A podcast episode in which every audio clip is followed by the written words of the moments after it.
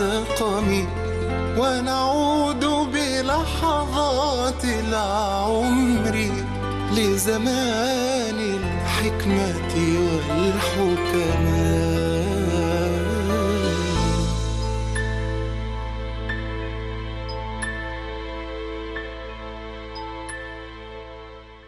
بسم الله الرحمن الرحيم. الحمد لله. والصلاة والسلام على سيدنا رسول الله وآله وصحبه ومن والاه. أيها الإخوة المشاهدون أيتها الأخوات المشاهدات في كل مكان السلام عليكم ورحمة الله وبركاته وأهلا وسهلا بكم في حلقة جديدة من حلقات الحكم العطائية لسيدنا ابن عطاء الله السكندري. ابن عطاء توفي في سنة 709 من الهجرة. أي في أول القرن الثامن الهجري. كان رحمه الله تعالى إماما في التقوى. ترك لنا هذه الحكم من أجل أن ترسم لنا الطريق إلى الله سبحانه وتعالى تنفيذا لمقولة النبي صلى الله عليه وسلم لجبريل وهو يجيبه عن الإحسان. ما الإحسان؟ قال أن تعبد الله كأنك تراه فإن لم تكن تراه فهو يراك. يقول ابن عطاء في إحدى حكمه ادفن وجودك في أرض الخمول. فما نبت مما لم يدفن لا يتم نتاجه.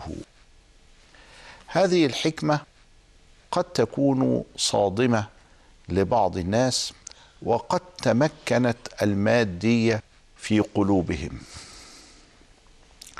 أصبحت هناك قيم أتت لنا من الغرب. تقدس الشهرة وتعتبرها أنها هي المحرك للإنسان. ونحن على عكس ذلك. نريد الإخلاص لله وحده. نريد أفعالنا أن نتوجه بها لغير البشر. لا نريد أن نذكر بأمجاد بعد أن نموت. كثير من الناس في الحياة غير الإسلامية لا يجد هناك دافع يدفعه لفعل الخير. ما الذي يدفعه لفعل الخير؟ فتأتي مسألة الشهرة وتأتي مسألة المجد. قضية الشهرة تتعلق بحياته قضية المجد تتعلق بعد وفاته. ولذلك يحرص أحدهم أن يجعل اسمه على مؤسسة خيرية أو على مدرسة أو على جامعة أو اسمه يكون على منحة أو اسمه يكون على آآ آآ وقفية. لماذا؟ طلبا للمجد. فهناك طلب الشهرة ويكون هذا تكون هذه الشهرة في الحياة الدنيا. هناك فرق ما بين أن يشتهر الإنسان وبين أن يسعى إلى الشهرة. كلمة يسعى إلى الشهرة معناها أنه يريد أن يدفع مقابلا من شرفه أو من ماله أو من حركته وحراكه في المجتمع من أجل أن يحصل الشهرة. والشهرة كثيرا ما أعمت عيون الناس. والشهرة عندما يسعى إليها تشغل البال وتشوش الخاطر ثم إنها تتمكن في القلب وإذ به يترك كل شيء من أجل هذه الشهرة. ولا يلتفت إلى قضية طاعة إلى قضية معصية إلى قضية خير إلى قضية شر إلى قضية حق إلى قضية باطل.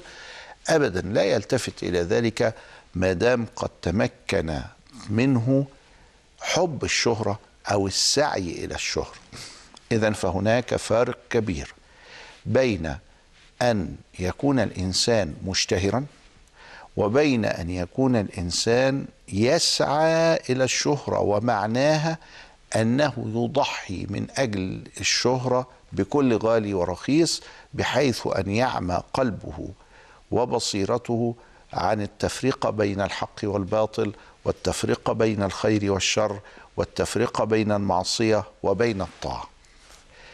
الذي تصيبه الشهرة من عند الله هكذا هذا أمر محمود. وأيضا يجعل على الإنسان واجبات. هذه الواجبات تتمثل في الانسحاب قلبيا وفكريا من استدراج هذه الشهرة.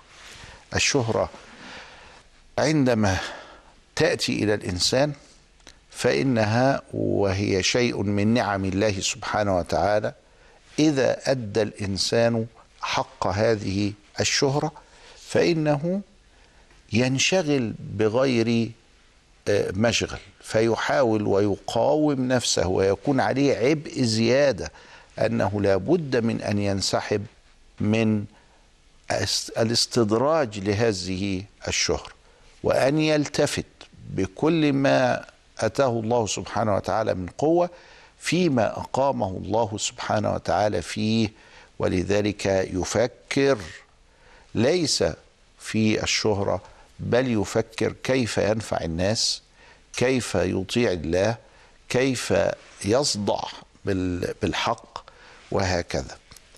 ادفن وجودك في أرض الخمول.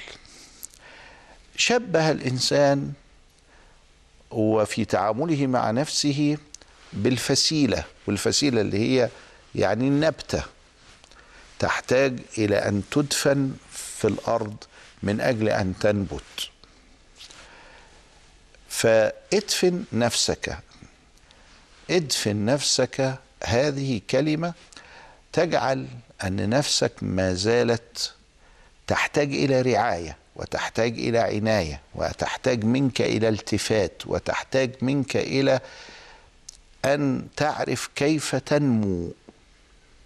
ادفن نفسك في أرض الخمول وليس في أرض الشهره اسحب نفسك وسنرى مرة في إحدى الحكم عن عزلة القلب وعن قضية الفكرة إلى آخره.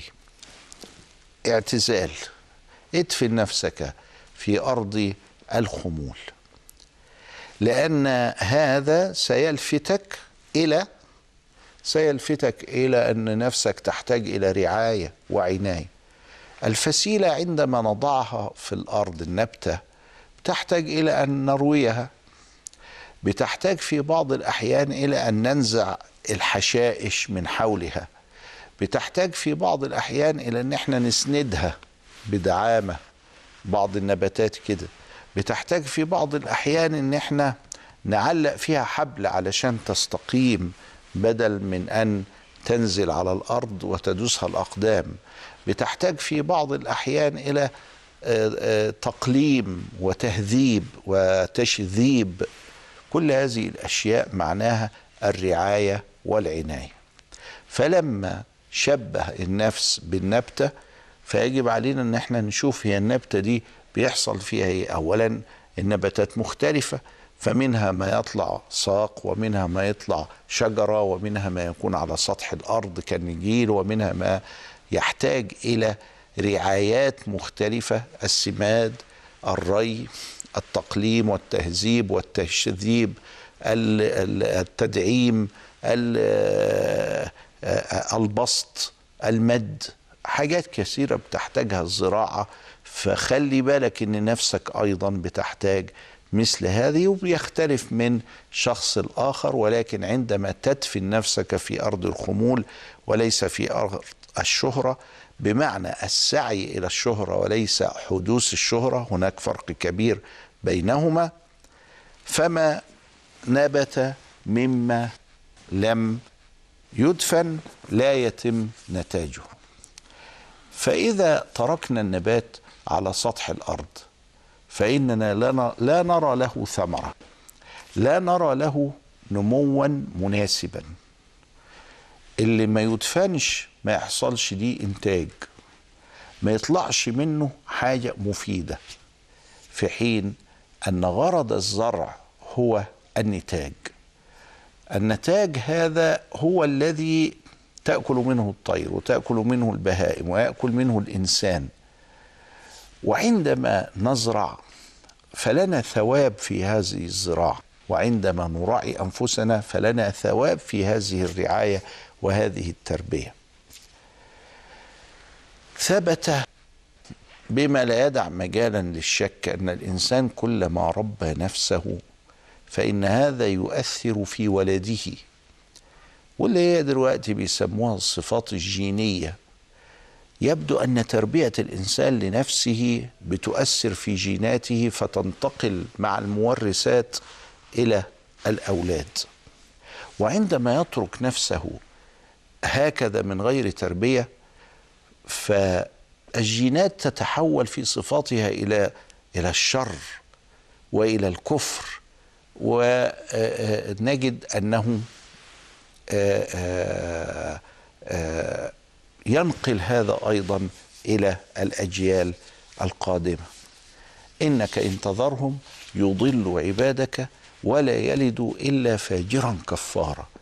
يعني في جينات ومورثات تجعل الصلاح ينقل وتجعل الفساد ينقل.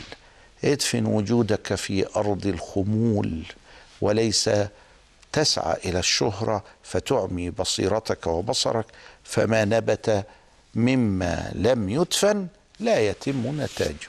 وإلى لقاء آخر أستودعكم الله والسلام عليكم ورحمة الله وبركاته.